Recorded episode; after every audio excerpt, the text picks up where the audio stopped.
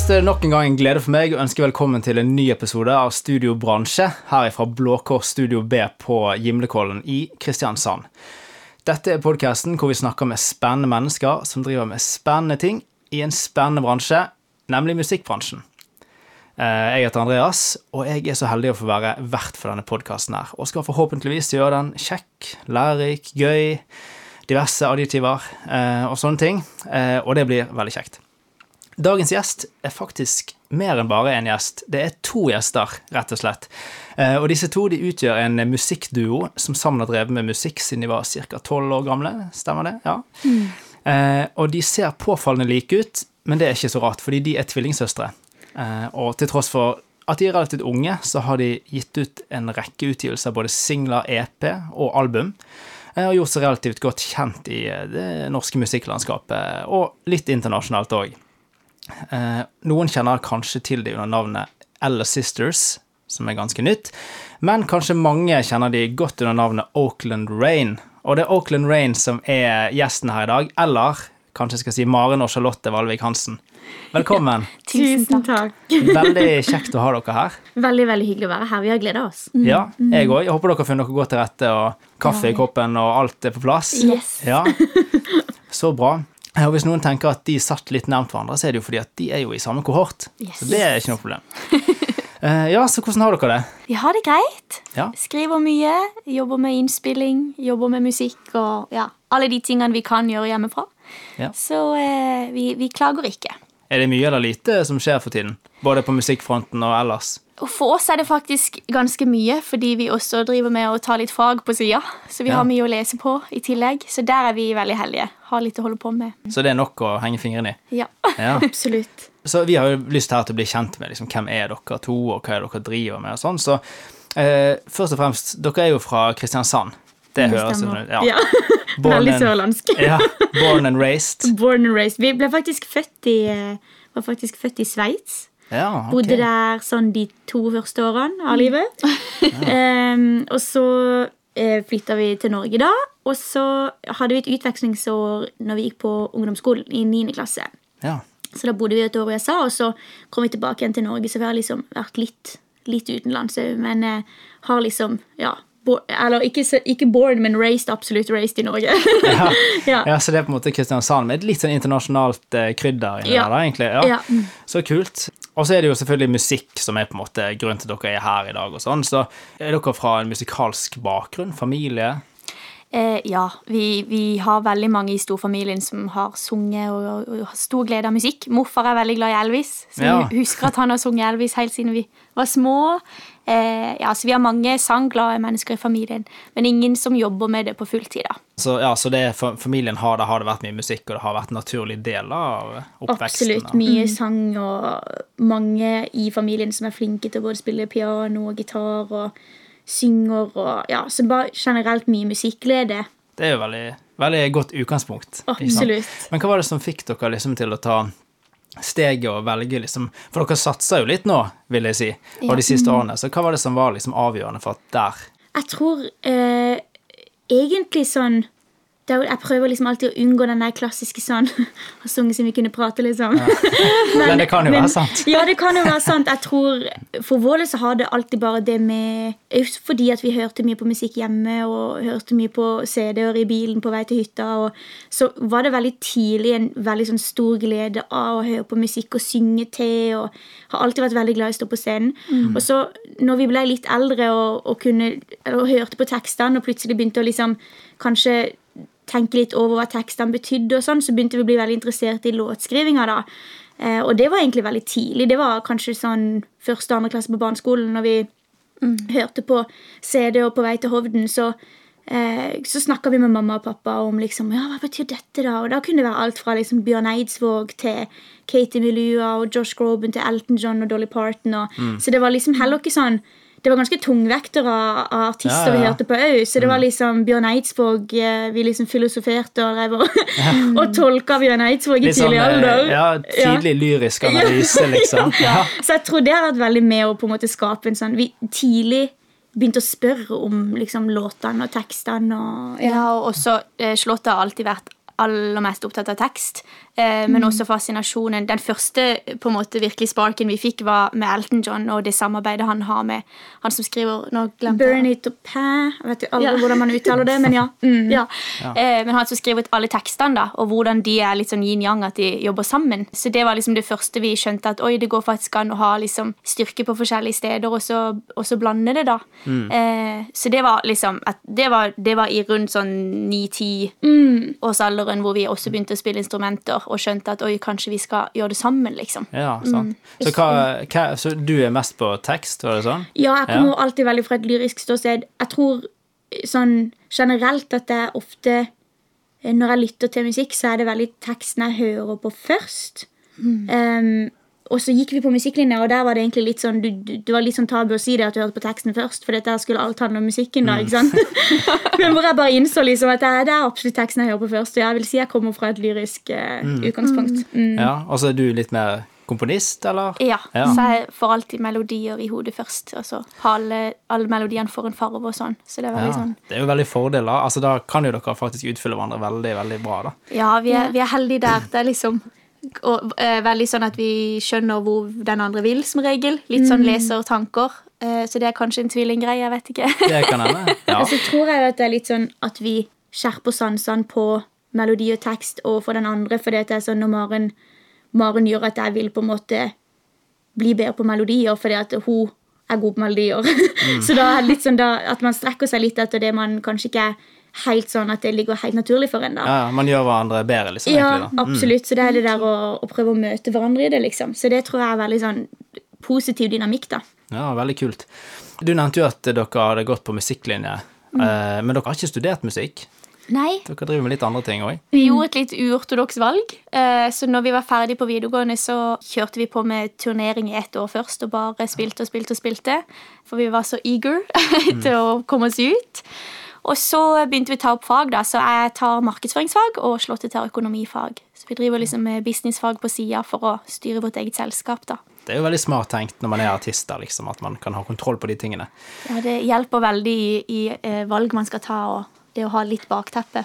Absolutt. Og så er det vel det er bare generelt veldig mye relevante fag. Det er både juss og avtaler og hvordan du ja, generelt eh, hvordan drive business. da. Så det er veldig sånn, vi, vi gikk veldig inn for å velge på en måte Vi sto liksom veldig mellom ok, hva er det vi eh, ønsker vi liksom å søke inn mot musikklinja da på, på studiet.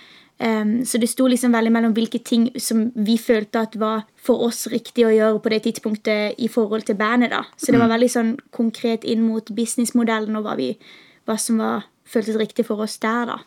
Ja, så bra. Vi eh, kommer litt tilbake til det med musikkbransjen sånn etter hvert, men jeg har lyst til å høre litt om, eh, om prosjektet Oakland Rain og liksom selve de her eh, navnene som er ute og går. Eh, jeg søkte på Oakland Rain på Google, så fant jeg mye om dere, men jeg fant òg noen værmeldinger eh, for Oakland i USA. da. Em, og jeg har hørt musikken, da. Veldig fint. Eh, dere må eh, rette på meg hvis det er feil, men det er litt sånn visebasert pop med innslag av country, har jeg skrevet her, da. Ja, det er ikke dårlig beskrivelse. Nei, den, Vi kan absolutt gå god for den. Ja, Ja. sant? Så bra. Så først og fremst så lurte jeg på hvorfor navnet Oakland Rain. Ja, altså eh, Vi visste at vi hadde lyst til å ha noe som gikk veldig i tråd med naturen og det organiske, fordi at eh, stort sett all musikken vi skriver i Oakland Rain, er basert på akustiske instrumenter og organiske instrumenter. Um, og så bodde vi veldig nærme Oakland uh, som utvekslingsår i 10. klasse. Det var da vi ble forma veldig til å skrive samfunnsengasjert, fordi vi ble så prega av kulturforskjeller og det vi møtte på. Uh, så det er en blanding av både å ville uh, sette en stemning, og også at det var nærme der vi bodde. Eh, men folk kan tolke det som de vil. Eh, Ja. Men veldig sånn, vi, er vel, vi elsker høst og regn og alt som også følelsen av liksom skulle tenne lys inne og med pledd og den musikken som passer veldig til det. Som typisk er den musikken vi skriver, da. Så det er veldig i tråd med den atmosfæren vi prøver å skape. Ja, for jeg kan jo si det at når jeg, eh, når jeg hørte på musikken, så følte jeg den passet godt til det navnet. For du får litt den der, som du ser, litt inneregn-stemningen, kanskje, da, hvis det går an å si. Ja, men det er bra å høre. Ja, det er godt. Da har vi det gjort noe riktig. Ja, ja, ja absolutt. absolutt. Men hvordan vil dere sjøl karakterisere musikken? Jeg prøvde jo her, da, det gikk jo tydeligvis bra. Men Ja. eh, hvordan vil dere sjøl beskrive musikken til Oakland Rain? Jeg vil si kanskje vise slash folk slash country slash alternativ. Ja, Ja. og så er det jo egentlig Alt bunner vel egentlig at vi Altså, det er jo pop på en måte. Men det Ja. er liksom eh, at det, vi kanskje kommer fra singer-songwriter-pop. At det er utgangspunktet i Oaken Rain også. At det heller hele tida enten mot folk eller mot country eller mot vise. Ja, så vi hvor- begynt å skille det mer nå, da, at eh, når vi skjønte at vi hadde lyst til å gjøre all popen som clean elektropop, liksom, at det er på et eget prosjekt med The Ella Sisters, så, så kan vi liksom kjøre det organiske fullt ut på Auckland Rain, da. At ikke vi blander så altfor mange sjangre. Selv om det, jeg tror det er, litt, det er litt pop i alt vi holder på med uansett. Absolutt, absolutt, men jeg tror det er mer singer-songwriter-greia Ja. på Auckland Rain. da, Så vi, vi liker i hvert fall å tenke sjøl at, det- at vi definerer brand sånn. og at det er litt sånn ulik eh, sound, da. Men vi, vi hører veldig mye på rootsmusikk. Altså både folkmusikk og countrymusikk. Og vi fikk jo veldig sånn tidlig kjærlighet for countrymusikk når vi bodde i USA, for der, det er jo en enorm kultur for det der. Ja, ja, ja. Der er det jo cowboyboots og hele pakka, vet du. Så, så vi kom hjem til Norge, og da var det liksom litt sånn guilty pleasure, egentlig. Ja. Eh, men vi er superstolte av det. Altså, Vi elsker countrymusikken. Og så er det jo veldig forskjellig på ulike former for country, selvfølgelig. Og så når vi kom hjem til Norge og begynte å spille inn på en måte profesjonelt, så jobba han, eh, han produsenten vi starta med, det var Morten Martens, utrolig flink produsent. Og han eh, jobba liksom mer i folklandskapet enn country, vil jeg kanskje si. Eh, så det gjorde at vi fikk sånn kjærlighet for folkmusikken òg. At det var egentlig da det begynte å på en måte At vi blenda det litt, egentlig. Ja, kult. Ja, for det er jo Altså, sjangre kan man jo gå seg vill i òg, på en måte. sant? I hvert fall i dag. Absolutt. Ja. ja. Eh, Så det er jo eh, Det handler jo gjerne i bunn og grunn om å bare lage musikk som man Mm. får liksom uttrykke seg, og så havner det i en eller annen sjanger, da. Ja, ja. Eh, Men sånn som, eh, sånn som eh, du sa, Maren, så er det jo òg dette her elektropop-prosjektet The Ella Sisters, og det er ganske nytt, er ikke det? Mm. Jo, ja. det er veldig nytt. Det er, uh, I forhold til Slipp så er det snart et år gammelt. Ja, sant? Kun et år. For jeg husker, lurer på om ikke jeg husker at jeg så dere på Sørveiv i 2019. Mhm. Ja, og det var kanskje den første liksom, lanseringen av liksom, prosjektet, da. Ja, det var faktisk aller første konserten. Sånn, Ja. Offentlig konserten. Mm. Ja, vi hadde hatt eh, et par showcase-konserter i London, men det var først i Norge, da. Så det var sykt eh, stas å få spille på Sørveiv. Det var jo der vi spilte i 2014 med Auckland Rain også, og begynte egentlig den reisen. Ja. Så de har vært veldig på lag. Det har vi vært ekstremt takknemlige for. Ja, så bra. Hvordan jobber dere med Alice Sisters kontra Auckland Rain? Er det liksom forskjellig arbeidsflyt, eller er det bare ja, nå er vi i en litt annen sjanger? Det er Ja. et sykt godt spørsmål. Skriveprosessen er veldig lik. For skriveprosessen kommer alltid fra et sted eh, Eller som mamma liker å si da når hun observerer oss, når, når vi skriver, så skriver jeg veldig eh, innenfra ut. Altså at det kommer det liksom er opplevelser som er veldig kroppsliggjort. Og for Charlotte så er det ofte som observatør da, er veldig mye som skjer rundt oss, eh, og et samfunnsperspektiv. Og så blander vi jo gjerne de egne opplevelser og det som kan relateres utover, da.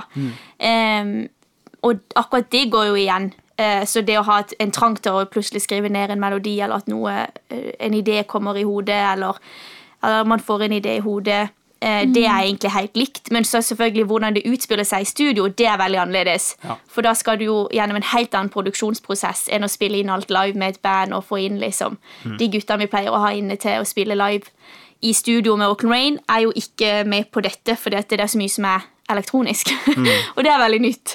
Så vi liksom begynner jo ofte låter bare med piano og vokal, eller gitar og vokal, i stua, som alle andre skri skrivesessions vi har.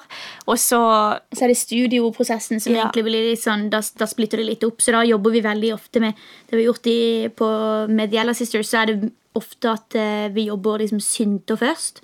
For å få litt sånn akkordrekker. Og det er jo litt sånn ut ifra den prosessen Matt, han produsenten vår i London, som vi jobber med på popprosjektet, han jobber veldig sånn akkorder først. da, Eller at du, du først i bunn har en sånn Ok, hva er det låta vil? Og så jobber du akkorder ut ifra det, og så finner du strukturen. Og så jobber du liksom videre. Så det har liksom smitta litt over på oss da at, eh, at vi Kanskje ikke skal bruke ordet smitte, eh, men det har eh, liksom vi har blitt eh, inspirert av det, da. Mm, Ja. At det liksom det Ja. Eh, så det, er veldig, det har vært veldig lærerikt. Og òg det der å jobbe med beats. At, mm. at, en, at en kanskje kan ha en puls og en rytme, og så kan en jobbe rytmisk over det. Det har for min del vært veldig sånn fordi at det er så lyrisk og fraseringsbasert. Så er det veldig sånn eh, Jeg hører mye på rapp òg, liksom. Alle, alle som hører det, er sånn Hæ? Ja, Charlotte er veldig, to, Charlotte, Charlotte er veldig todelt. Hun er liksom Ja. helt sånn Joni Mitchell, og så kan hun gjerne høre på Ja, Eminem eller ja, altså det Men mye, mye forskjellig, da. Ja, men det er bra å ha et stort spekter, da. Det er jo på en Ja. måte inspirasjon, sant. Alt blir jo på en måte kokt sammen, og så blir det noe flott ut av det. Av, av og til, da. Ja. Av og til. Eh, Dere spiller instrumenter sjøl, har dere nevnt. Gjør dere det mye på innspillingen òg? Kanskje mest Oakland Rain-greiene? Ja, så på Oakland Rain spiller vi jo ofte Eller jeg spiller piano, da, og Slott spiller gitar. Eh, så med mindre det er ting som skal blende veldig inn med noe annet i produksjonen, at det trenger en annen rytme, eller at vi må gjøre ting på nytt, så er det vi som spiller det inn, da. Det er veldig, veldig, Når man tenker seg om, så er det jo to veldig forskjellige prosesser i studio. Ja, det er det. det, er det. du, du, du er veldig her og nå, stort sett one take, ikke sant? Eh, Alt er live, så å si. Ja, dere pleier å spille inn live i studio òg? Ja. Mm. Og da er det jo ofte da det kommer en sånn veldig organisk nerve, på en måte, eh, i Og det er jo en veldig sårbarhet til Oakland Rain-musikken som alltid ligger der. Det er alltid en eller annen veldig sterk eh, grunn til at vi har måttet skrive sangen, som kommer fram når man spiller det live, da tror jeg, for man gjenopplever hele sangen, Ja. egentlig. Mm. Jeg så at noen av utgivelsene deres, der står det at det er live.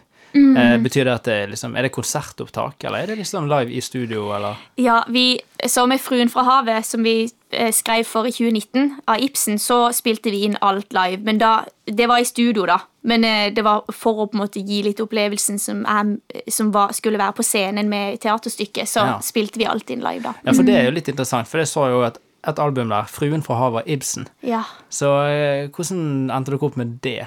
Oi, ja, det er et godt spørsmål. Vi spilte en konsert på Torvet i Kristiansand sommeren 2018, må det ha vært. Fordi at eh, så kom hun eh, Birgit Amalie Nilsen.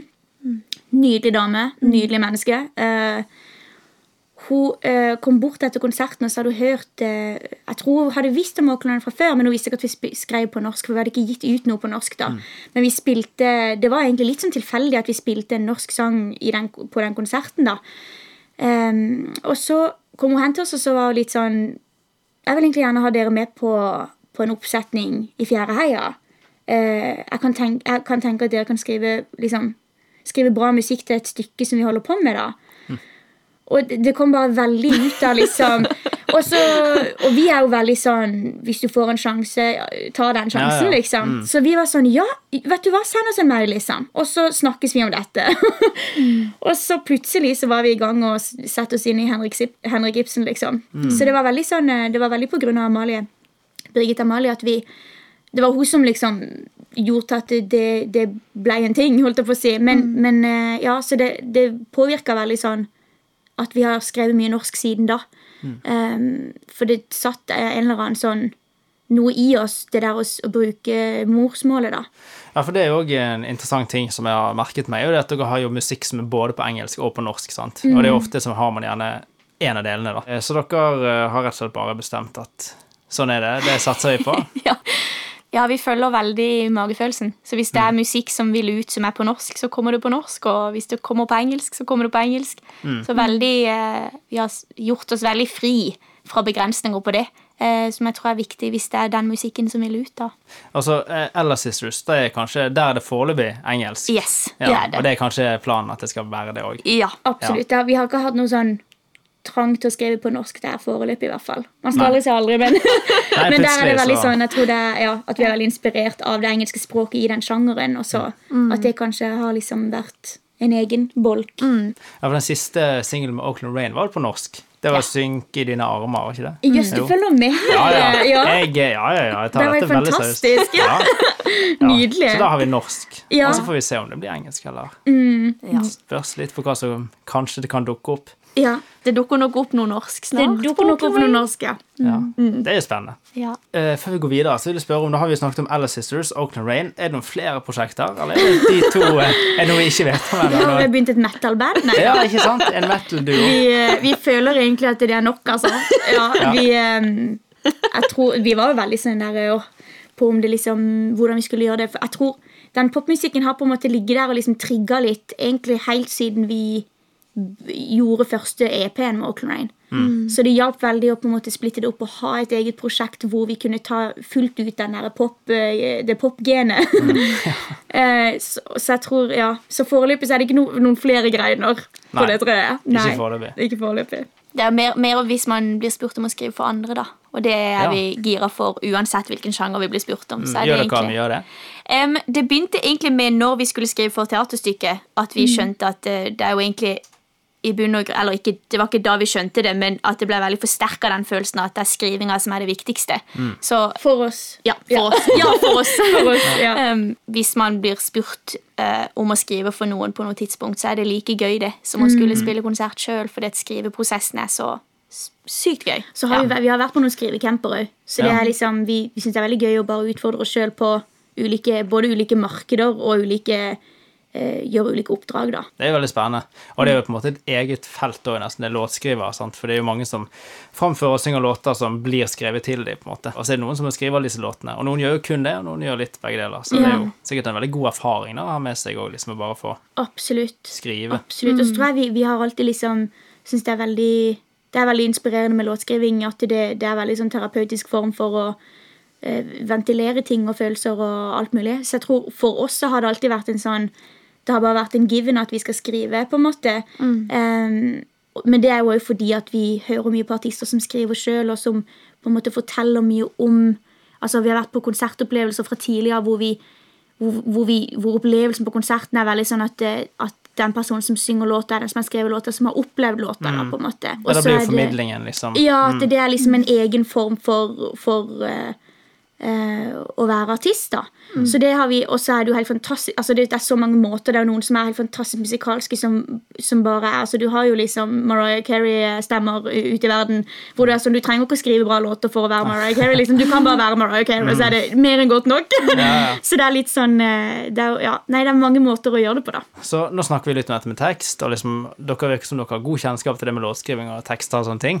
Så det skal vi teste litt nå, da. og, og dette er litt gøy. Dette har jeg gjort med en del av de andre gjestene vi har hatt der. Ja. Og det er rett og slett at jeg har noen utdrag her fra okay. noen av deres låter. Fra noen av egne låter. Ja, deres låter. Ok, deres okay. låter. Ja, ja.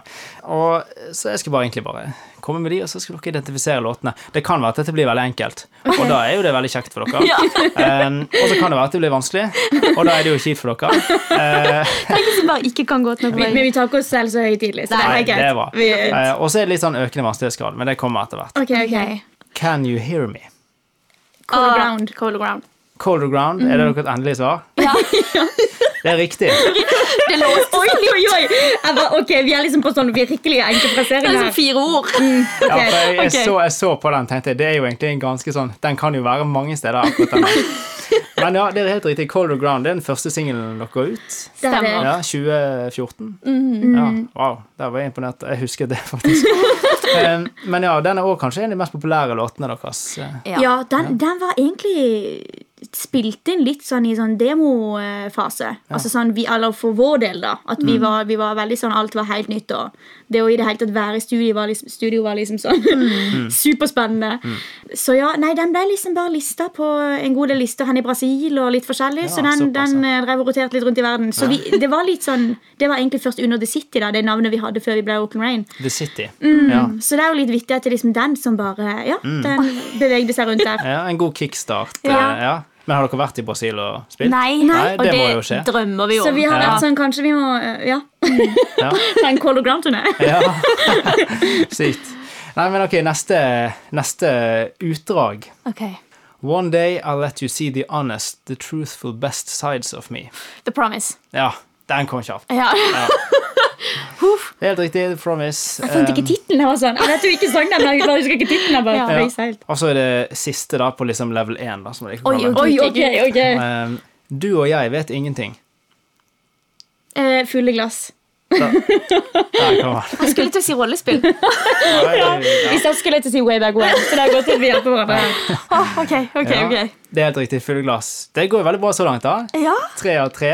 Men nå er vi bare på level 1, da, Maren. Vi må bare Ok, og så level 2, der er det også, har jeg òg tre stykk. Og der har jeg oversatt de til engelsk eller norsk, altså basert på hva de originalt er, da. Oi, oi, gud. Oi, oi, oi, ok. ok. Så håper jeg at jeg har gjort en god nok jobb. Where did the spring go? Hvor ble våren av? Da vi trengte den. Synk i dine armer. Er det deres endelige svar? Riktig. Det er riktig. Jeg liker den litt sånn der stressede stemningen Ja, her. er Liksom. sånn, Man vil jo gjerne vite sitt eget materiale. Liksom. Ja, det er helt riktig. Det er den siste singelen synker i din armer. Veldig bra. Ok. Vi vil aldri være langt borte. Lighthouse. Ja. Er det enighet Will om dette? Jeg måtte bare tenke om det var flertall. Ja. Mm. Riktig. Way. Det er liksom på slutten av låten, så er det en sånn her gjentagende Ja. We'll never be far away. Ja. Nice. Ok, og så den her siste, da. Du slåss som en ridder i en rustning. Cars med The Ella Sisters. Oi, ikke Auckland Rain? You're fighting like a night in Jo, jeg kjører jo den samme. Cars. Ja, ja det er riktig. Ærlig, altså. Jeg måtte være det er litt sånn, nå er vi plutselig i et annet prosjekt. Sant? Plutselig ja. Ja.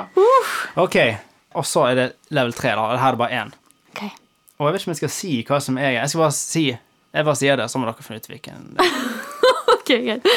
Me pose mi vestido amarillo. Oi, guri. Nei nå, nei, nå er vi on the spot. Me, kan, kan du si det en gang til? Me pose mi vestido amarillo. Vet dere hvilket språk dette er? Er det spansk? Ja, det er spansk. Jeg skjønte det var spansk, Vi har jo da ikke hatt spansk. Nei, det var det jeg tenkte, at det kan hende dere ikke har. eh, men vi må bare gjette det, Maren. Skal vi bare gjette? Vi har rett og slett gjette. Eh, du må bruke magefølelsen din, som er høysensitiv. Dette er Yellow ansvar. dress. Yellow dress. Du går for yellow dress. Det er riktig. Det er riktig, faktisk. Ja, wow. Det var meget bra. For jeg tenkte sånn at hvis dere ja, det, Applaus. Det var imponerende. Det var jo full score, det her. Yes. Sykt bra. Da kan dere gå herfra som seirende. I den, Vi hadde, vi hadde tysk på skolen. Ja. Vi var ikke stjerner i tysk. Det kan jeg si. Nei, nei, ok. Men vi kunne Nei, vi hadde helst sannsynligvis ikke visst det hvis du snakker tysk. eller? Nei, for det var en sånn 50-50-greie. Jeg satt her og tenkte ok, kanskje ja, tysk, spansk Ja, de kan ta spansk. De er sikkert spansk. Ja. Men hell i uhell. Ja. Men så har jeg lyst til å fortsette litt og spørre dere noen spørsmål. Um, jeg har lyst til å spørre om dette. Hvordan er det egentlig å være i band, eller liksom, ja, med sin egen søster? Um, Nå hørtes det veldig sånn alarmerende ut at jeg bare altså, mm, vi er egentlig på randen. Nei da. Nei, eh, det, vi syns jo det er supergøy. Mm. jeg tror, Vi har liksom fått dette spørsmålet egentlig veldig mange ganger, og jeg tror mange er litt sånn der eh, Lurer liksom på hvordan det fungerer når man er søsken. Og, Men vi er jo det er jo en egen dimensjon når man er tvillinger. Og jeg tror det der at du Vi er jo på en måte så knytta til hverandre fra før av, på en måte. Altså sånn genetisk. Så jeg tror, jeg tror eh, vi har jo på en måte fått liksom litt sånn gratis eh, kjemi der, egentlig. Men òg at vi bare Vi har jobba hardt, hardt for å kommunisere hva vi hele tida liksom vil, og hvor vi skal, og, og sånne ting. Men ja, vi syns jo bare det er sykt gøy å jobbe sammen, rett og slett. Jeg håper du tenker det samme. Ja, jeg tenker akkurat det samme. Ja. Jeg tror det er litt sånn enten-eller med tvilling Kanskje forskjell mellom tvillingbrødre og tvillingsøstre, da, men hvis man er enegga, at enten så funker det ikke, eller så funker det veldig. Eh, og vår opplevelse er at det funker veldig fordi at vi vi er jo veldig like i hva vi ønsker og hvor vi vil. og alle disse tingene. Så selv om vi er veldig forskjellige i måten vi håndterer verden på, liksom, hvordan vi tar inn over oss ting, så eh, er det jo kanskje det vi liksom som, som driver oss òg litt, at vi kan lære av hverandre og skrive. Og så få det andre perspektivet hele tida. Og fordi man har det veldig gøy sammen og i hverandres nærvær, så er det en veldig positiv ringvirkning. er det, jo, det er jo virkelig et sånn privilegium å få det å jobbe sammen med Katrine, storesøstera vår, som er manager. At vi, vi har liksom gjort hele denne reisen sammen. Så man har jo på en måte en sånn Det er veldig vanskelig å forklare fra utsida forklare noen hvordan den reisen er, hvis ikke du er i det. på en måte. Og det, det er jo virkelig, vi er veldig heldige som har det som en sånn felles, felles reise. Opplevelse. Ja, veldig. Mm. Så nei, vi er jo egentlig bare veldig takknemlige for Ja, ja, så kult. Eh, Er, er dere mye uenige, eller er det liksom 100 samkjørt i avgjørelsen? Og vi kan absolutt være uenige. Ja, men da er det som regel på kunstnerisk debatt. Ja. Det, er ikke, det er veldig sjelden på hvem som har hvilke sko, liksom. Jeg tror aldri nesten nei, har nei. Så jeg sier sjelden bare for å liksom høres litt mer normal ut, men det er, jeg tror aldri vi har krangla med en sko, liksom. Nei. Eh, så vi er, vi er virkelig ikke liksom Vi er aldri totta på hverandre på sånn hva, gåsetegn vanlige ting. Men vi, vi der, tror det er det der at vi liksom Fordi vi er så lidenskapelig opptatt av musikken at liksom det vi er sånn, og der er det, veld, det er veldig bra jo at vi er litt uenige av og til i låtskrivinga. det, jeg tror det, det trigger fram jo gjerne at man, at man strekker seg lenger enn man kanskje hadde gjort på egen hånd. da, At det, du liksom, du, du går de ekstra rundene og tenker over hvordan du vil ha ting, og hva, hva, hva låtene vil. og Om det er en EP eller et album eller et prosjekt eller hva det skulle være. Så det er, jo der vi, det er jo der vi i så fall kan bli uenige, men på en veldig positiv måte. Da er det jo mer sånn sparring, egentlig. Så vi er liksom ikke helt fan av krangling. Det har vi liksom aldri egentlig skjønt helt konseptet med. Det er jo en god ting, da. Ja. Hvem er det som er sjefen? Jeg vil faktisk si til syvende og sist at det er Charlotte som er sjefen, for hun er ett minutt eldre. Ja, er hun litt mer sassy enn meg, så hun kan liksom ta en støy. Jeg er veldig sensitiv, så jeg blir litt sånn satt ut av noen situasjoner. Og da kan hun være sånn, da går hun gjerne i Men jeg tror det er litt sånn at du blir litt sånn Sånn for meg, da, så jeg, tror, jeg absolutt føler litt sånn der eh, storesøsterrolle, tror jeg. Mm. Og det vet jeg ikke om jeg bare at det er det minuttet eldre, at man bare psykisk vet det. Jeg ja, det er jo 60 hele Det er sagt det hele sekundet klokere. Nei, men jeg tror, jeg tror eh, det er jo sikkert bare litt sånn Jeg vet ikke om det har noe med det minuttet å gjøre, men kanskje bare som typer at det er veldig sånn Maren er høysensitiv, så hun tar inn over seg veldig mye. Sånn at det er veldig sånn beskyttende overfor henne. Så jeg kan gå absolutt ta en støyd for hvis jeg merker at det er noe som, som hun trenger at jeg skal gjøre. da. Men sånn generelt så er vi jo bare veldig sensitive begge to. Vi er jo, det er jo en grunn til at man skriver kunst, liksom. Så eh, ja, det er både latter og tårer i hverdagen, altså. Ja, og Veldig, så er vi eh, kanskje litt skjev på ulike ting, sånn i ulike perioder, at hvis den ene trenger den andre mer, så, Mm. ja, så jeg går gjerne i bresjen og gjør jobben og tar de tak, Mm. harde takene hvis det trengs i en periode, da. Så det er veldig sånn samspill, på en måte. Ja, og så tror jeg jo i det der at det, det at, eh, Maren har alltid vært veldig modig med å liksom snakke om følelser og, og være ærlig på det. det. Det kommer vel kanskje litt fra å være høysensitiv at, det, at det, følelsene er veldig tilgjengelige hele tida. Og det har, ja, og det, men på, in the best way, liksom. At det har jeg lært veldig mye av for min del. At det, det er ikke alltid liksom det der å suffer in silence nødvendigvis egentlig er noe positivt. At det, det å liksom dele med venner eller med familie eller søsken eller det kan være noe veldig positivt å skape noe Du kan skape noe ekstra i det båndet du har med de rundt deg. da. Um, og også sånn som nå i koronatida så strever jeg veldig mentalt. Uh, jeg har en angstlidelse som gjør at det ikke Det er ikke, det er ikke en blast, for å si det sånn. Men, uh, og da har Maren bare liksom virkelig tatt sånn lederrolle i de prosjektene vi holder på med i bandet, og både på Ella og Clone Rain. da. Så vi, det er veldig sånn, litt sånn sesongbasert, egentlig, vil jeg si. Teamwork. Teamwork. Det var et godt svar, da. Når jeg eh, stilt, tenkte jeg skulle stille spørsmål om hvem som var sjefen, så var jeg litt redd for at nå blir det en tvekamp her i, i studio, men veldig bra. Veldig bra svar. Dere jobber jo mye sammen, sant, og liksom alt det der som vi har snakket om, men eh, vil det kunne bli, eller er det soloprosjekter? Har dere egne ting? Musikkting dere jobber med, eller? Egentlig ikke. Nei. Men eh, jeg maler mye på sida, da. Så Ja. veldig sånn for å få ut alle følelsene. På, eh, når, når ikke kunsten strekker til på musikk, så bruker jeg andre verktøy, da. Så eh, jeg bruker mye maling, og så skriver Slåtte mye dikt. Så det er jo egentlig gjerne hver for oss, men ikke nødvendigvis noen intensjon om at det skal ut i verden Nei. og se dagens lys sånn med det første. det er mest for å få ut for egen del, da. Så all musikk, da er det Ja. dere to? Ja, vi møtes liksom der. Det er veldig eh, fint. Det, jeg tror det, det, ja, det skaper noe med det man henter inn av liksom ulike opplevelser. Også. At vi møtes på en måte i det. Og så tror jeg av og til så kommer det noe med ei full låt til den andre, og så er den bare ferdig, liksom. Ja. Eh, så det er ikke sånn at vi liksom heller at- vi er sånn Nei, men nå må jeg legge noe på denne låta, så jeg har vært med på denne låta. Det er veldig sånn ja, dynamisk prosess. Ja. Litt sånn Lennon McCartney-greier, egentlig. Ja, da. De ja, sånn. Ja. Vi kan leve den sammenligninga. Ja, Men, ja, men det er jo det der samarbeidet er jo virkelig sånn en kunst, da. Så har det alltid vært drømmen deres å være artister? Eh, ja, vi Ja.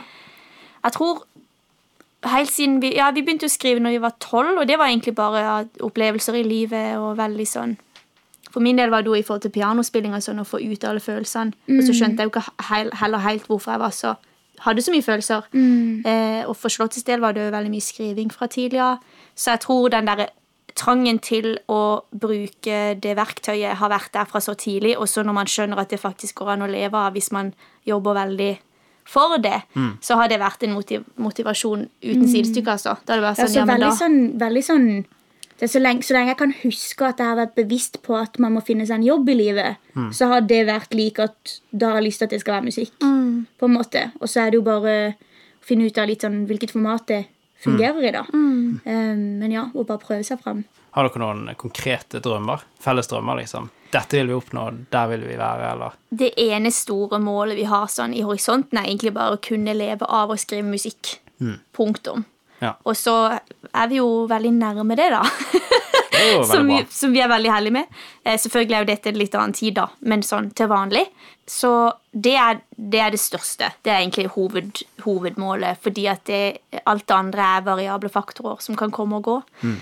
Mens eh, det med å skrive kunst og at man, man har noe å si, og at eh, mennesker lytter, det er liksom hovedmålet. Kult. Det er jo et fint, fint mål å ha. Så skal vi gå litt tilbake til det med musikkbransjen. Eh, så har jeg lyst til å spørre, for dere eh, Gjør dere mye produksjon sjøl, eller? For dere nevnte dere hadde en produsent i London. Vi kom til London i 2017. Da var vi litt sånn lost på hvor vi skulle, og hva vi ville. Ja, hvordan var det dere endte opp i London da? Ja, vi hadde vært på en litt kjip opplevelse i, på en Ja, vi hadde spilt for noen stykker. Eh, Vi, vi hadde vært på en audition ja. Ja, okay. eh, i, i USA, i LA, som var en interessant opplevelse. Ja. Og var litt sånn lost på Vi klarte ikke helt å finne motivasjon og inspirasjon noe sted, egentlig, for vi følte bare Vi visste ikke hva vi ville, og eh, veldig mangel på mestring, eh, veldig sånn selvtillitsknekk i mye. Eh, og veldig fokus på helt andre ting enn det vi egentlig syns er viktig. Det, var- liksom ikke selve musikken som ble kritisert engang. Det var liksom alt det andre. Eh, så vi var litt sånn, vet du hva, nå gjør vi bare noe helt annet. Nå, nå spør vi oss fram eh, av gode rådgivere på hvilket studio som er best i London, bare for å få et helt annet headspace, og så prøver vi det. Og da kom vi egentlig for å spille inn den EP-en som heter Lighthouse, The Lighthouse Session, eh, som ble sluppet høsten 2018, fordi at når vi kom høsten 2017 og skulle spille inn dette, så oppdaga han jo at vi hadde popmusikk i oss, og plutselig Ja. så ble den uka helt annerledes enn det vi trodde. Forma seg til å bli et helt nytt band. Um, ja, for da ble Ella. Sisters født, Ja. liksom. Ja. Så det var der det egentlig starta, og da eh, Siden da har vi vært veldig involvert i produksjonsprosessen. Fordi at eh, med popmusikk så kan jo det gå all verdens retninger. Eh, så vi hadde plutselig mye mer meninger og, enn vi trodde, da. Når han plutselig kom med masse forslag, så skjønte vi jo hvor vi ville med disse låtene. Og sånne ting. Og helt siden da har vi egentlig blitt mye mer bevisste på å være verbale på hva vi ønsker av produksjon. For det blir veldig lett til at når du som låtskriver kommer, kommer inn i et studio med en produsent, så kan du fort bli overkjørt på at eh, det er sånn og sånn og sånn vi skal gjøre det, for dette kan jeg, ikke sant? Eh, og ikke at vi har møtt noen produsent som sier det, men det kan jo fort skje, da. Hvis ikke du er klar over, eller hvis ikke du har noen sånn tydelig tanke på hva du vil, hvor du vil ha låta, da, så er det jo selvfølgelig jo det der å, å la prosessen gå, da. At, det er at ikke man er så fastlåst til en idé at du kanskje ødelegger det som kan bli magi, da. Så det er jo hele tida en sånn, en sånn gi og ta, men det der at du ikke ja, At ikke du bare plutselig blir putta i en drakt, og så tenker du ikke noe sjøl over om det er det du vil. på en måte. Ja. Så vi har absolutt, absolutt sånn jobba med liksom Og hørt på mye eh, mye ulik type musikk for å få en sånn der produksjonsmessig mer eh, liksom, klar tanke på, på hva vi vil, da, og, og kunne tydeliggjøre det. Men han produsenten i London, eh, gjør han noe Oakland Rain-ting? Eller er det Ja, kun så- Ella Sisters? Han har gjort, ja. I begynnelsen der så var det litt sånn kaos, fordi at vi, vi forma det ikke til å bli to forskjellige ting før noen måneder inn. da. Så da vi drev og pendla fram og tilbake, spilte inn masse og jobba og prøvde å finne dette pop-soundet som skulle blendes med alt av Auckland Rain. Og det var når ikke det lot seg gjøre, at vi bestemte oss for å dele de to. Da ble det mm. Ja, så, Men han har jo også produsert uh, Yellow Dress-EP-en, da. Fordi det ble en sånn Ok, vi vil ha country sound på dette, og disse sangene vi vil ha ut. Selv om det er litt sånn pop-country-folk-miks, så var vi veldig sånn Dette skal ut, uh, og vi vil ha det ut nå, for det var veldig den opplevelsen vi hadde hatt med Yellow Dress-sangen. da. Vi ville ha det ut fortest mulig for å få det ut i verden, og, og kanskje det kunne hjelpe noen. Og så fikk vi jo tilbakemelding på at det hjalp veldig mange som hadde vært i ulike situasjoner. Så Han, han ja. produserte jo den Lighthouse Session, da, selv om det tok ja. et år ekstra. så ja. Mm, -hmm. Og så har vi, ja, vi, ja, vi spør han gjerne om ting på som vi lurer på eller tenker på i forhold til Auckland Rain, for han er ekstremt musikalsk og veldig sånn, har et godt øre.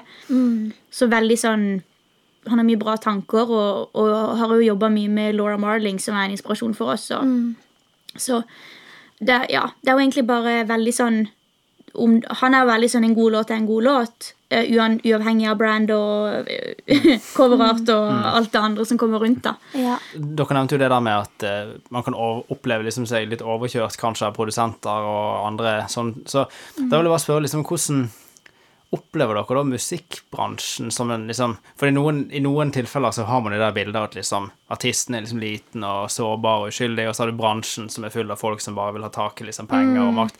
Hvordan ja, opplever dere musikkbransjen sånn? det er jo mest Katrine som egentlig har opplevd bransjedelen. fordi Ja, søsteren deres ja, som er manager. Ja, så Ja. det er jo hun som har mest av de der, har hatt mest møter og på en måte virkelig vært i, ute i felten. Mm. Uh, selvfølgelig ikke helt jeg kan uttale meg sånn på vegne av henne, men eh, for vår del så har vi jo vært blitt veldig bevisste på at eh, vi er veldig glad for at vi er, at vi er to. eh, for å kjenne veldig på magefølelsen hva vi vil hele tida. For det er jo lett å la seg rive med hvis man får mye råd da, om hva man burde være, og hva man ikke burde være. Eh, så, men jeg tror kanskje at fordi vi har hatt så eh, klar tanke på at det er vi som skal skrive alt fra begynnelsen av, så har det ikke vært så mange av de der eh, hvem skal du bli, og hvordan skal vi forme det, faktorene inne i bildet, fordi at vi har hatt så mye klare ting vi vil si, og hvordan vi vil skrive det. Og, Ja, dere har bestemt dere litt på forhånd, egentlig. Ja, egentlig. Ja, og gjerne ha liksom underveis veldig sånn visjon på det visuelle.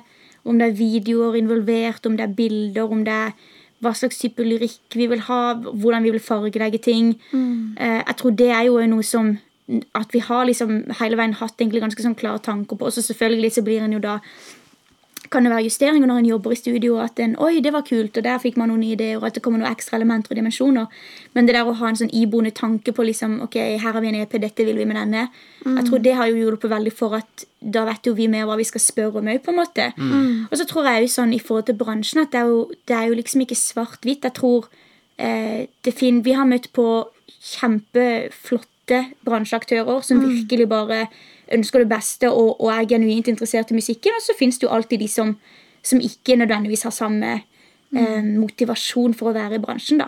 Eh, og det er jo samme artister, egentlig. At man kan Ja. jobbe med andre artister eller samarbeide med noen eller møte noen på veien. Og så har du de som er eh, mennesker som, som ønsker å være greie med andre og, og, eh, og har musikken i fokus, og så er det de som ikke har den tankegangen. da. Så jeg tror det er jo veldig sånn eh, viktig at ikke, at ikke en ser på det sånn helt svart-hvitt. det, ja. Ja, så tror jeg det endrer seg jo mer og mer med vår tid, hvor det er så mye som kan styres på egen hånd.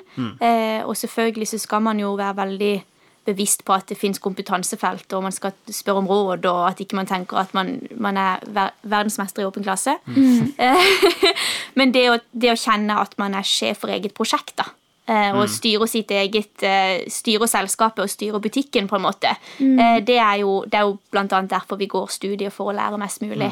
Og vite hva vi holder på med, og ikke bli snakka over hodet på. For det har vi ikke lyst til. Nei.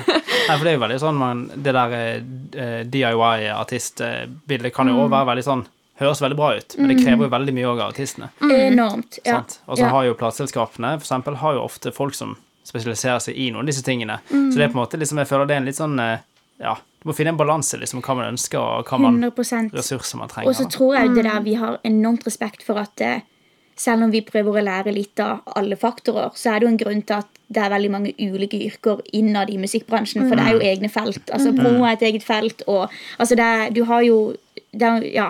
Så vi, har veldig sånn, vi er veldig ydmyke og har veldig respekt for at, eh, at eh, selv om man jobber med fag i en bachelorgrad, så betyr ikke det at man forstår Nei, nei. eh, omfattende hva eh, de konkrete yrkene innebærer. da. Men det er jo li, li, li, litt mer det der å ha en anelse at liksom, ok, da skjønner man jo kanskje mer hva arbeidsmengden går på. Vi har jo lært det jo at det, eh, ved å lære litt om alt, så skjønner man jo hvor mye jobb som går inn i de ulike postene, og da vet man jo kanskje hva man, hva man, hva man krever av de som en jobber med, eventuelt. Så det er veldig sånn eh, Jeg tror det er bare viktig å være ydmyk for at andre sitter på kunnskap man ikke har, og samtidig ikke lar seg tråkke på. da. Syns dere at uh, musikkbransjen virker som et godt sted å jobbe? Eller virker det som en plass der det er vanskelig å komme seg opp og fram? Kanskje litt begge deler. Ja. Kommer kanskje litt an på hvem man er som type. Eh, hvis, man er, hvis man er veldig sensitiv, så kan det jo være mye som går inn på en, og som egentlig bare handler om vanlige avtaler eller vanlige Jeg kan jo la meg overvelde av en mail, liksom. Mm. men, men det er jo fordi at jeg er så ekstremt opptatt av at alle skal føle seg sett og hørt, og at det skal være greit. da. Mm.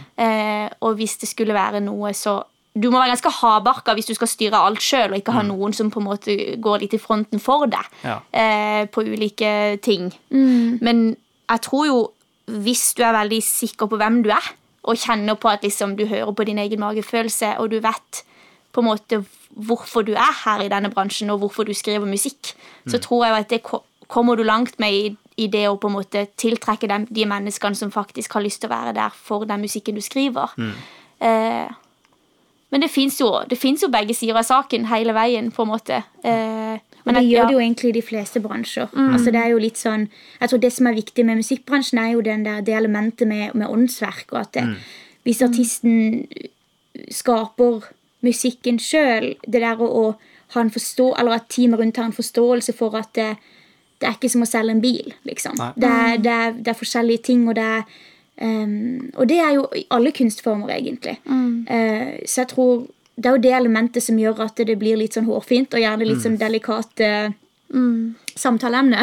Ja, ja. Men eh, ja, så jeg tror for vår del så er det jo det der at vi, vi er ekstremt sånn Vi er veldig opptatt av at de vi jobber med, eh, skal oppleve at vi respekterer de, og at det er gjensidig respekt tilbake. At, mm. at eh, ja, at vi ønsker jo bare generelt å være greie mennesker som altså, hyggelige og, og har med å gjøre. Og, eh, og av, og til så, av og til så blir en straffa litt for det, fordi at en ønsker å se det beste i folk. da. Eh, men så møter man jo veldig ofte på utrolig fine folk som tenker samme. da. Litt sånn ymse svar du får her, Ja, egentlig. da, så men jeg det- hører jo det, Men det er litt Ja. sånn vanskelig å svare på. Men Ja, eh, det er veldig fint, for det er jo litt av hvert på en måte Ja. man finner. Og så eh, vil jeg bare spørre dere et spørsmål som er litt sånn uunngåelig nå, da. Og det er jo hvordan har det vært å være artister i en pandemi? Ja. Snakket litt om det tidligere, men ja, kan jeg Ja. fortelle litt mer om det? Vi er absolutt ikke de som har vært hardest ramma i kultur, på kulturbiten, eh, i forhold til det at vi hadde mye eh, musikk i pipeline som var klar for å slippes. Sånn at vi har på en måte kunnet holdt oss gående og slippe musikk og, og holdt prosjektene varme i, den, i den forstand, og at det har motivert oss fordi at man har fått lov til og mulighet til å slippe musikk. Eh, selvfølgelig ikke like mye som man kanskje nødvendigvis hadde gjort.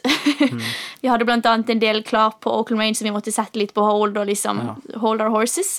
I forhold til kulturbransjen og det å få slippe musikk, så har vi vært blant de veldig heldige som hadde litt sånn timingmessig, så hadde vi ikke ekstremt mye lina opp som var på en måte make or break, da. Eh, selv om vi selvfølgelig måtte avlyse mye konserter som vi skulle spilt, og events og sånne ting. Um, Men vi hadde liksom ikke en sånn svær det var ikke showcase planlagt, eller ja. ja, sånne store ting som hvor du skal vise hele prosjektet ditt. og liksom, ja.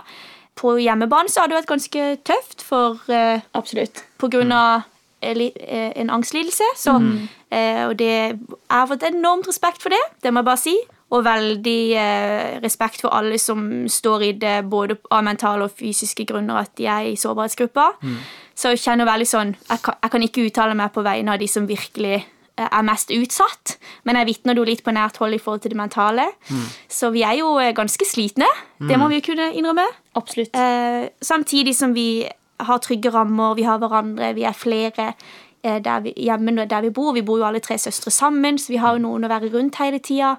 Eh, og mye holder på med i forhold til å lese og studere og eller vi har noen fag vi studerer nå i denne tida, som vi uansett skulle tatt. Eh, så det er på en måte både ja, det er litt sånn begge sidene av skalaen, hvis man kan si det. At man er, man er både veldig heldig og takknemlig, og så er man også sliten.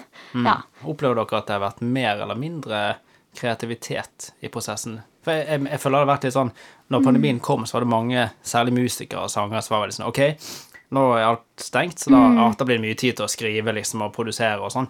Eh, For min del så har ikke det vært så mye av det. Det har vært litt mer sånn OK, ingenting skjer, så Ja, vi gjør ingenting her. Ja. Men hvordan har dere opplevd det det? har gått veldig perioder. Jeg tror sånn i starten så var det jo veldig sånn Egentlig bare å komme gjennom dagene, ukene, månedene.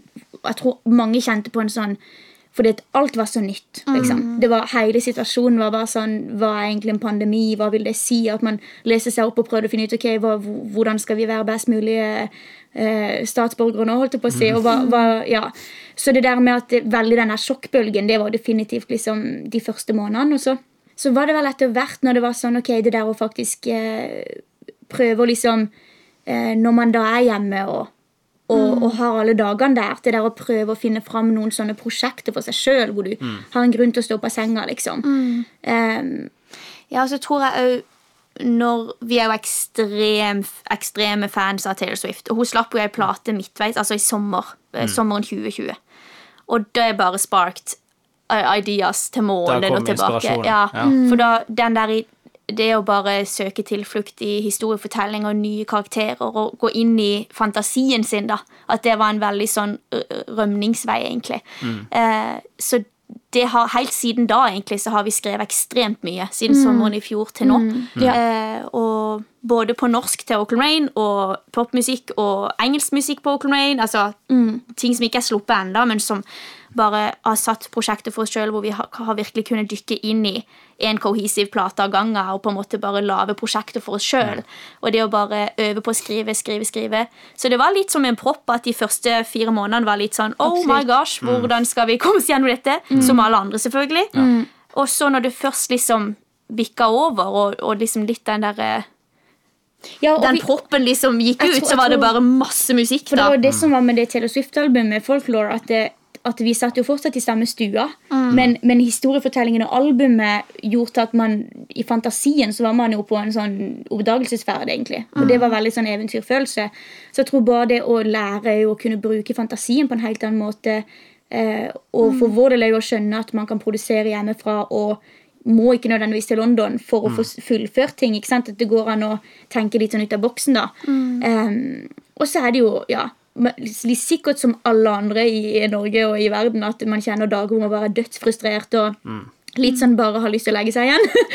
og så dager hvor man er sånn ok, ja, men liksom kjenner motivasjon på at man prøver å gjøre det beste ut av dagen. da, Så det er opp og ned. Men Ja. vi har absolutt liksom, ja, fra det albumet ble sluppet, og så kom det et nytt album igjen i, på høsten. Og hvor det var sånn, ja. Det, Da var det det enda en slus, liksom. ja, ja. så det har, vært kjem, det har vært veldig gøy da, å kunne liksom bare dykke inn i låtskrivinga, og det elsker vi jo. Så det, ja. Ja, det er jo fint univers å være i. Så det er liksom når du først plutselig får tilgang igjen, eller du Mm. Ja. skaper deg sjøl tilgang igjen i hodet, Ja. så er du liksom på et annet sted litt i sjel og hode enn du 100%. trenger å være fysisk. Så blir det liksom Det hørtes sånn veldig abstrakt ut, Rømningsvei. Ja. Men det er fint. Abstrakt kunst er Ja. jo litt sånn. Ja. Kjempebra, altså. Nå nærmer vi oss slutten på denne podden, dessverre. Men jeg har lyst til å spørre dere om dere har noen tips til fremadstormende artister. Folk som kanskje har lyst til å skrive musikk, lage musikk. Og tenker de åh, skulle gjerne hatt noen pro tips. Oi, det, ja, det er jo litt sånn Vi er jo fortsatt veldig i læringskurven sjøl òg, men jeg tror eh, en av de tingene som Eller kanskje det aller viktigste tipset som for min del iallfall, jeg tenker er det å, å At jeg anbefaler å skrive sjøl. selv, Og jobbe med låtskrivinga og, og prøve å finne et instrument du har lyst til å på en måte lære deg litt sånn basics på. Sånn at du kan, at du kan eh, ja, jobbe med låtskriving, og, og at det er det er veldig få som er liksom gudebegava fra de liksom er små, og som bare er kjempegode låtskrivere fra de altså, så, så jeg vil si eh, skriv låter, vær tålmodig. Eh, selv om du skriver mye dårlig, så betyr ikke det at ikke det kommer noe bra av og til. Um, og det med tålmodighet og det er jo å følge magefølelse på hvem du vil jobbe sammen med. For det er jo etter hvert litt sånn et ønske Eller hvis du skal på en måte kunne liksom spille konserter rundt forbi, og sånn, så kan du gjøre mye sjøl, men det er veldig fordel å ha noen rundt deg som og bygge et lite team rundt deg. da. Eh, og det å være tålmodig med å finne de menneskene som er riktige for deg i din reise og det du holder på med, og som, som har kanskje de samme verdiene som deg, og ser kanskje ser på musikk på litt samme måte som deg, da. Eh, det vil jeg definitivt anbefale, å, å prøve å finne de. Og prøve å være selvstyrt i den forstand at hvis at man ser for seg i hodet at hvis plutselig all lyd og lys og teknikk skulle streike på noe, så kan man bare kjøre show uansett. At det er en ting man er i stand til å gjøre hvis det skulle skje. Eh, hele tida tenke det. At ikke liksom alt er ødelagt hvis ikke man har så og så mange parat til å gjøre sin jobb. da. Eh, for da, da er man jo mindre sårbar, og mindre ja, det er mindre skjørt hvis noe skulle gå galt. da. Eh, Så og selvstendighet, på en måte. da. ja, egentlig. Og spesielt i som Altså det man lager av produkt Eller produkt og produkt, det blir feil å si. Kunst. Ja. Den kunsten man lager, at den kan presenteres og spilles uansett. da. Det er et veldig Veldig råd fra meg. Vi har stått i situasjoner hvor oi, nå er det ikke Altså, nå er det ingenting annet som funker enn gassgitaren uten lyd. Så da må vi bare synge så høyt vi kan, helt akustisk. Og så Ja. blir det jo konsert av det òg. Men det at man kjenner at ikke man plutselig Ja, at man må droppe alt av at ikke det at ikke man kan gjøre det sjøl, da. Gode råd, gode råd. Så for å sammenfatte litt, så kan man si skriv, Mm. eh, oppbygg en selvstendighet, og eh, Følg magefølelse. følg magefølelsen. Ja. Da har vi Og vær snill. Og vær snill. Og vær Ja. snill er et uansett hvem du råd. møter på. Og det der at ikke du liksom hvis du da bygger deg opp og får, begynner å få et navn og Det der å ikke, ikke ta med seg stigen etter seg, da. At du, hvis du liksom klatrer deg oppover i på en måte Spesielt som jenter i bransjen. og Ja, at det liksom Det er aldri kult å og det der, Hvis du får muligheten til å klatre oppover stigen, så er det aldri, aldri kult å dra den med seg etter seg og Nei. ikke gi andre muligheten for det samme. Og det å, å, å aldri tenke at uh, man er noe bedre enn noen andre om man har så og så mange streams eller så og så mange views, eller at vi er alle bare mennesker. Så, mm. uh, og ikke tenke at kunsten din defineres av hva andre hva, hva noen få mener om den. liksom. At du bare fortsetter å, fortsetter å jobbe på det, liksom. Kjempebra, altså. Jeg må si Det er utrolig kjekt å sitte og prate med dere. Det er veldig mye bra. måte. Takk for det. takk for det. Eh, og så har jo dere òg gjort noen låter her i studio for oss. Fire stykk. Og de er jo å finne på Studio B's YouTube-kanal, for de som vil se det. Anbefaler det. Og så får vi se. Kan det være det kommer noe norsk musikk etter hvert. Vi får bare vente Det i kan veldig spenning. godt være. Ja. Bare vente og se. Ja. Yes, så tusen takk, og så vil jeg gjerne takke alle dere som enten hørte på eller så på Studiobransje denne episoden. Og så ses vi eller høres forhåpentligvis snart igjen. Takk for nå. Takk for nå. Takk for nå.